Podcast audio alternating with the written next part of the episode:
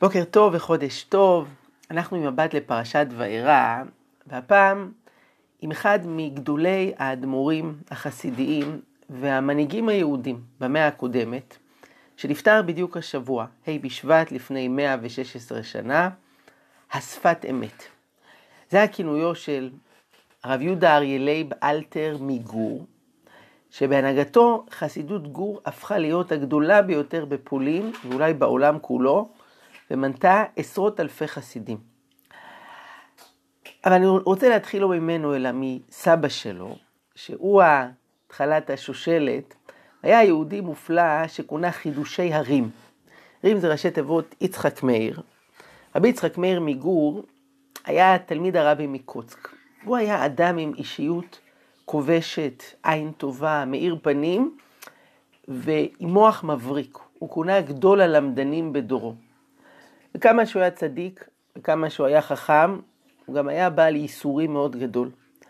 הוא ידע הרבה סבל בחייו, כשהיו לו 13 ילדים, ו-12 מתוכם נפטרו בחייו.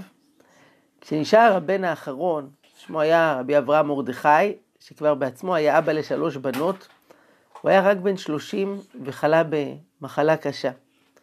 ואבא שלו נכנס אליו, תבינו, הבן האחרון משלושה עשר הילדים שלו שנפטרו בחייו. הוא אמר לו, כתוב בתורה, ובחרת בחיים. אם אתה תבחר, אתה תחיה, ועוד תזכה וייוולד לך בן. הוא אכן בחר בחיים והבריא, וזכה ונולד לו ילד, שזה השפת אמת שעליו אנחנו מדברים. רק שגם הילד הזה לא זכה להיות הרבה עם אבא שלו, כעבור שנתיים אימא נפטרה, כעבור שמונה שנים האבא נפטר, והוא גדל בעצם אצל הסבא, בעל חידושי ערים. ורבי יצחק מאיר מגור, שלושה עשר ילדים נפטרו בחייו, ניחם את אשתו ואמר לה, תראי, אם למישהו יהיה צרה, הוא יוכל להגיד לעצמו, הנה, אפילו ליצחק מאיר, היו שלושה עשר ילדים צדיקים ונפטרו, אז מה אנחנו נגיד? אבל באמת הנחמה הגדולה הייתה עבורם הנכד שגדל אצל הסבא, והרבה מהתורות שלו בנויות על דברים שהוא שמע ממנו. הוא מגיע לגיל 19, והסבא, רבי יצחק מאיר, נפטר, והנכד, בחור צעיר, ממונה לרב העיירה גור, עדיין הוא מסרב לקבל עליו את האדמו"רות. ארבע שנים חולפות וחסידים פשוט מכריחים אותו. הוא מבין שאין מנוס, הוא מתיישב באמצע השולחן ולא בראש, במקום שהיה של הסבא. ומאז ועד היום אדמו"רי גור כך נוהגים, לשבת באמצע השולחן ולא בראש. עוד מנהג מיוחד היה לו, הוא סירב לקבל כסף מהחסידים. תמיד היו מביאים קוויטלח עם פדיון נפש, הוא לא רצה כסף, הוא לא הסכים. ממה הוא התפרנס? מחנות קטנה שאשתו ניהלה. הוא היה עומד בפתח חדרו, נשען על ארון הספרים, והמונים היו צובעים על דלתו ועומדים בתור, והוא היה שומע ועונה במהירות, טק, טק, טק. כך בכמה שעות היה מקבל הרבה מאוד אנשים. בשנת חייו האחרונה פרצה מלחמת רוסיה-יפן, ואלפים מחסידיו גויסו בכפייה לצבא הרוסי. הייתה לו עוגמת נפש עצומה מהעניין הזה. בני ביתו העידו שהוא היה ישן על הרצפה כשהחלוק שלו רטוב מדמעות, ולא עובר הרבה זמן והוא נפטר כשהוא בן 58 בלבד. והרבי מסוכותשוב הספיד אותו בהלוויה, הוא אמר הרבי נפטר בגלל הצרות של עם ישראל.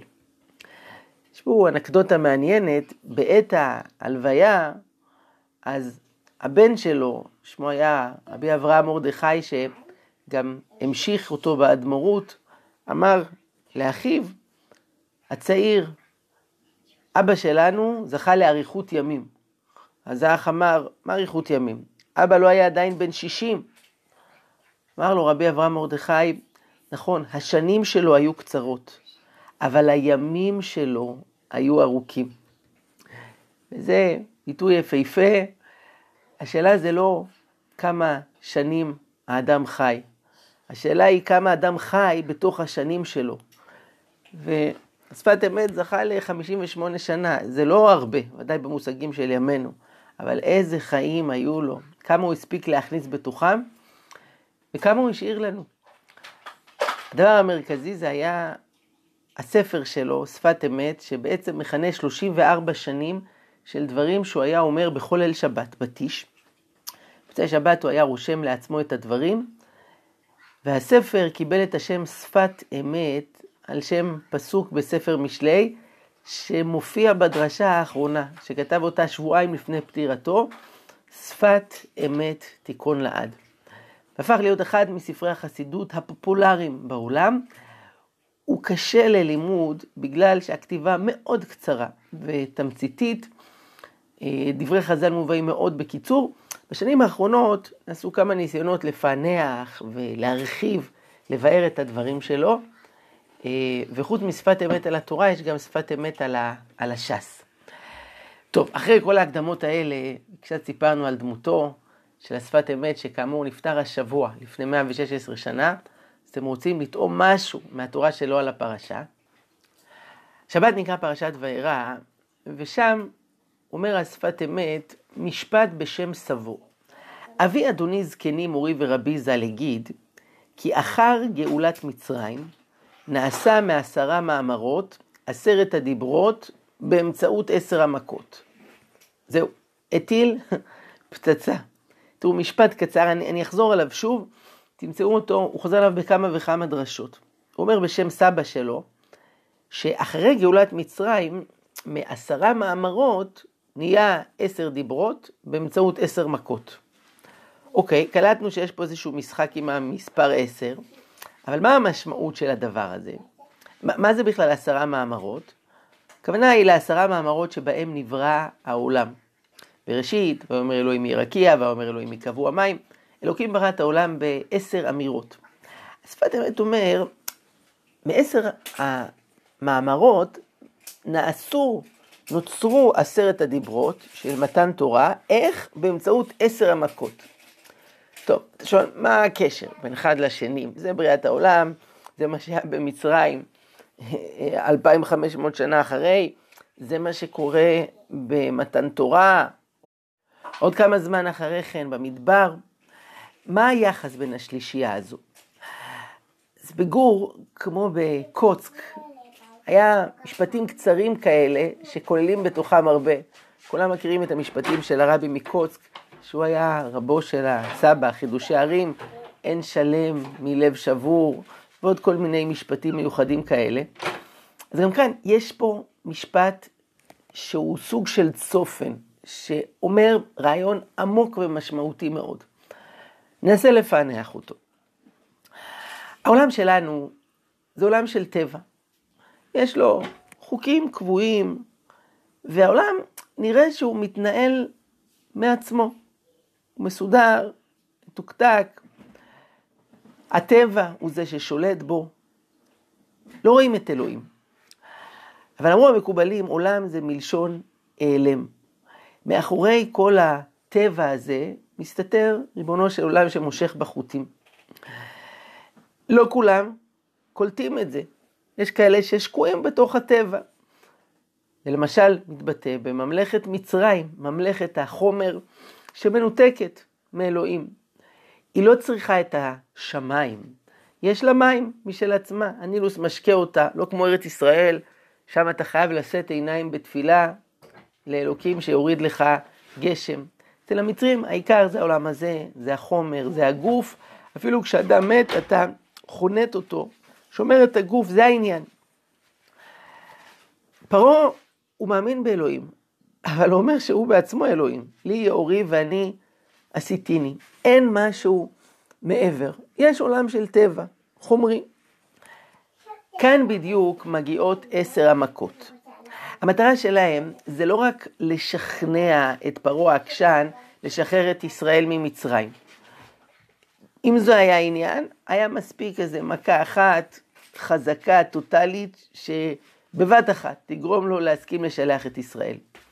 המטרה של עשר המכות, יותר משזה לשכנע את פרעה, היא ללמד את עם ישראל, ואיתו את העולם כולו, שאומנם יש טבע, אבל יש מי שנמצא מאחוריו ומעליו ומנהל אותו. אם אתם זוכרים את ליל הסדר, אז בהגדה של פסח כתוב, רבי יהודה היה נותן בהם סימנים, דצח הדש באחיו. כלומר, הוא חילק את עשר המכות לשלוש קבוצות. השאלה היא, שכוייך, שאתה יודע חשבון, אבל מה החידוש פה? לחלק עשר לשלוש קבוצות? בוא, זה לא דבר כל כך אה, גאוני. אבל רבי יהודה בא להפנות את תשומת ליבנו לכך שכל קבוצה מתוך עשר המכות באה להעביר מסר מסוים.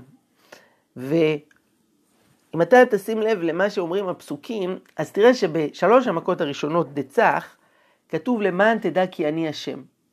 בשלוש המכות השניות כתוב למען תדע כי אני השם בקרב הארץ. בארבע המכות האחרונות כתוב למען תדע כי אין כמוני בכל הארץ. כלומר יש כאן שלושה מסרים אמוניים שהמכות באו להעביר לפרעה, לבני ישראל ולעולם כולו. הראשונות, מציאות השם. אני השם, יש אלוקים, העולם הזה הוא לא הפקר. שתיים, אני השם בקרב הארץ. לא רק שמישהו ברא את העולם אי אז, אלא הוא נמצא בו, הוא מתעניין בו, אכפת לו, הוא משגיח. הדבר השלישי, למען תדע כי אין כמוני בכל הארץ. זה יכולתו של הקדוש ברוך הוא. כל יכול, עצום, כל מה שברצונו הוא עושה. זה היה התפקיד של עשר המכות. להסיר את הלוט שמכסה את המציאות הנעלמת, את הטבע. הרב קוק היה קורא לזה, תקשיבו למשפט, מציאות הניסים עשו חלונות בטבע, באופן שאינו סותם בפני האור האלוהי. כלומר, יש איזה אור אלוהי בעולם, אבל הטבע זה כמו מסך שמסתיר. הניסים זה חלונות, שדרכם בוקע האור. ככה מגיעים מעשרה מאמרות, דרך עשר המכות, לעשרת הדיברות. כלומר, כדי להכין את עם ישראל ואת העולם לקבלת תורה, אנחנו צריכים שהטבע שנברא בעשרה מאמרות, ייפתחו בו החלונות של עשר המכות, ואז ממילא ניפתח אל מה שמעבר, אל ריבונו של עולם, אל התורה, ונוכל לקבל את אה, עשרת הדיברות במעמד הר סיני. ומה שהשפת אמת מתאר כאן, זה לא רק איזה אירוע היסטורי שקרה אז, אלא אתגר שנמצא בחיים של כולנו. הסיפור של יציאת מצרים הוא לא רק סיפור פרה-היסטורי, זה אתגר החיים. כל אחד ואחת צריך לצאת מהמיצרים שלו, לעבור ממצב של מאמרות למצב של דיברות, ממצב של טבע אטום, חומרני, למצב שאתה מחובר לאלוקים, ואתה מצליח לגלות אותו בתוך הטבע. וכאן בא המקום של האמונה, שהיא עוזרת לפתוח את החלונות האלה בתוך עולם הטבע. המציאות היא לא תתהפך לנו למשהו אחר, אבל האמונה, אומר השפת אמת, מאירה בלב האדם, שגם כשקורים דברים שהוא לא מבין, אבל הוא יודע שאלוקים שם, הוא מושך בחוטים, הוא מנהל, זה מה שהופך, אומר השפת אמת במקום אחר, את הגולה לגאולה. שזה שתי מילים הכי הפוכות שיכול להיות. גאולה זה גלות, זה ניתוק, זה הסתר פנים. גאולה זה הערה, זה ישועה. ההבדל ביניהן זה אות אחת, האלף, אלופו של עולם. זאת האלף של האמונה, שלא בהכרח משנה את המציאות, אלא את המבט עליה, והופכת את הצרות לאוצרות. שפת אמת מכניס פה גם את עניין השבת, שזה יום שמכריח אותנו לעצור את מרוץ החיים.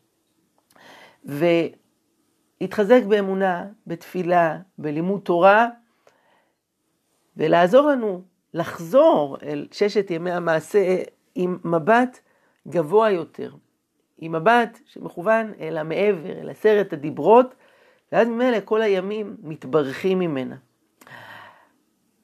נכתום את הלימוד הזה אה, במשפט יפה ששמעתי פעם, למה יהודי שותה קפה בבוקר?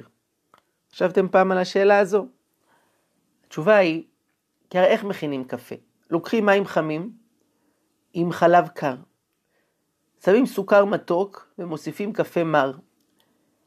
מערבבים ועל הכל ביחד אומרים שהכל נהיה בדברו. כלומר, לא משנה אם חם או קר, מתוק או מר, טוב או רע, אנחנו מאמינים שהכל נהיה מדברו. הכל משמיים, הכל לטובה, וזה היה הלימוד הגדול של ניסי עשר המכות, שפקחו לנו את העיניים, שפתחו צוהר, חלונות, בתוך המסך הטבעי של העולם, כדי שנוכל לראות את עשרת הדיברות ולהתחבר אל ריבונו של עולם. שיהיה לכם בוקר טוב, שבת שלום, חודש טוב, ותעבירו את זה הלאה. למשפחה בשולחן שבת, תעבירו לחברים בוואטסאפ, ותזמינו אותם להצטרף אלינו, מי שירצה יוכל לקבל קישור, כדי אה, שעוד אנשים יוכלו להצטרף אל הלימוד השבועי. ברכת השם עליכם, להתראות.